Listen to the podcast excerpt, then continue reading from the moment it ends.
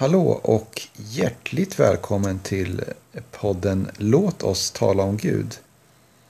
Och jag som gör denna podd heter Andreas Kvist. Eh, I detta avsnitt så tänkte jag prata om en väldigt intressant sak. Och det är det att när man eh, studerar Bibeln och läser Bibeln så finns inte en enda vers i Bibeln man kan läsa att, att Guds folk eh, tillbad en treenig Gud.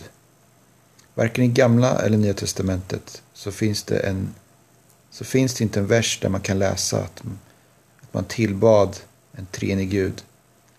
Detta är ju fantastiskt konstigt om nu treenigheten vore sann. Det borde såklart vara självklart att man kan läsa i Bibeln att, att människor tillbad en treenig Gud om nu den treenige guden vore, vore sann. Men eh, vad man istället finner är verser som till exempel Andra Mosebok kapitel 34, vers 14. Citat. Du skall inte tillbe någon annan gud, för Herren heter nitisk. En nitisk gud är han. Och i Saltaren kapitel 99, vers 5 kan vi läsa citat. Upphöj Herren, vår Gud, och tillbed vid hans fotpall Helig är han. Och i Jesaja kapitel 66, vers 22 till vers 23 kan vi läsa citat att Ty liksom eh, de nya himlarna och den nya jorden som jag skapar blir bestående inför mig så skall er avkomma och ert namn bestå, säger Herren.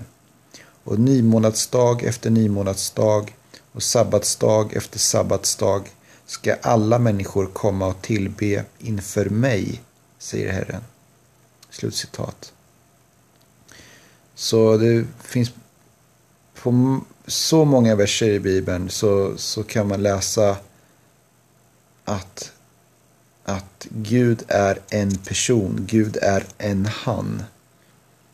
Och jag tror ju såklart att varför man beskriver Gud på det här sättet, att Gud är en person, eh, en han, är just för att Gud är en person, en varelse och inte tre. Och vi kan också läsa Nya Testamentets eh, citat. Eh, och jag, citerar Lukas kapitel 4, vers 8. Jesus svarade, det står skrivet, Herre din Gud skall du tillbe och endast honom skall du tjäna. Slutcitat. Och det här, här kan vi se den här situationen då Jesus blir frestad av Satan. Eh, och det som är intressant här är ju att om nu Jesus vore Gud så visste ju såklart Satan det. Men låter det troligt att Satan sa till Gud att tillbe mig? Eh, jag tycker inte att det här låter så värst troligt och vi vet också att Gud inte kan bli frestad. Detta kan vi läsa i Jakobsbrevet kapitel 1, vers 13. Citat, ingen som frestas skall säga, det är Gud som frestar mig. Ty Gud frestas inte av det onda och frestar inte heller någon. Slutcitat. Så då blir de här situationerna där eh, liksom Gud, eller Jesus blir är utsatt för, för prövningar. Det blir liksom bara teater. Eh, om, man nu fått, om man nu skulle tro på treenigheten. Men eh, jag tror det handlar om att Satan såklart visste vad som stod på spel. Men han visste att Jesus var Guds sändebud. Eh, att Jesus var den som Gud skulle frälsa världen genom. Men att Jesus var ju såklart en människa. Och därför så kunde han också bli frestad och därmed falla i synd. Och då hade inte människan kunnat bli frälst. Men Jesus valde att inte synda på grund av sin kärlek och, och, och, och tilltro till, till sin Gud och Fader. Eh, men eh, Jesus var såklart en unik människa. Han var född av sin faders ande och, en, en, eh, och hade ingen mänsklig far. Så ingen människa har blivit till på det här sättet tidigare. Han är den enda människan som har blivit skapt på det här sättet. Så jag tror att Jesus hade en, en unik relation med sin fader ända ända från födseln. Ehm. och det är intressant också det svaret som Jesus ger Satan. Att, ehm, att Jesus säger att Herre din Gud ska du tillbe och endast honom ska du tjäna. Att Jesus benämner Gud som endast en person. Vilket är självklart eftersom att Jesus är väldigt tydlig med att det är endast Fadern som är hans Gud och ingen annan. Det var alltså endast en person som var hans Gud. Jesus är väldigt tydlig med det här i, på flera ställen i, i evangelierna. Men en, en händelse där han väldigt, är väldigt tydlig med, eh, med just vem Gud är, är i Johannes evangelium kapitel 4, vers 21 till 24. Där det står så här citat. Jesus svarade, tro mig kvinna, det kommer en tid när det varken är på det här berget eller i Jerusalem som ni ska tillbe Fadern.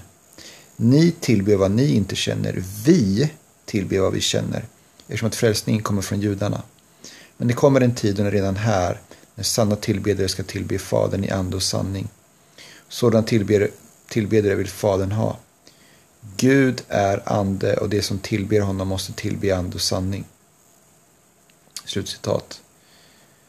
Ehm, så vi ser tydligt här att, att, eh, att Jesus undervisar kvinnan här att, att de ska tillbe Fadern. Och han säger också att han själv tillber Fadern i vers 22 här. Ehm, så det är tydligt att, att Jesus eh, lär att det är endast Fadern som är Gud. I Uppenbarelseboken kapitel 4, vers 10 till 11 kan vi läsa så här.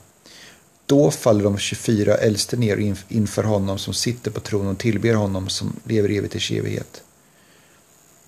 De lägger ner sina kronor inför tronen och säger Du, vår Herre och Gud, är värdig att ta emot pris och ära och makt.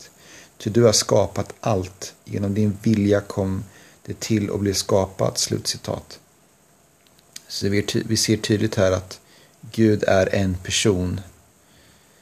Eh, sen ser vi också en händelse i, eh, i vers, eh, eller kapitel, eh, kapitel 5. Där vi ser att eh, även eh, lammet tillbeds. Eh, det är fadern och sonen som tillbeds i kapitel 5. Det intressanta är att vi ser en exakt likadan eh, händelse i eh, i första kröniboken eh, kapitel 29. Där det står att eh, i vers, eh, kapitel 29, vers 20 att det står så här citat. Därefter sade David till hela församlingen, lova Herren er Gud. Då lovade hela församlingen Herren, sina fäders Gud. Och de bugade sig, bugade sig och föll ner för Herren och för kungen. Och, och eh, här, ordet för buga där är eh, det ordet man använder för tillbad. Och i King James version står det att de föll ner och tillbad eh, inför Herren och kungen.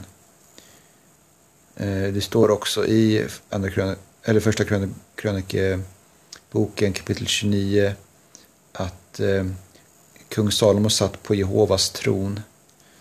Eh, väldigt intressant. Eh, så varför man kan eh, liksom ehm, falla ner och tillbe inför eh, kungen och, eh, och, Jesus, eller inför Gud och Jesus, är för att Jesus är Gudfaderns avbild.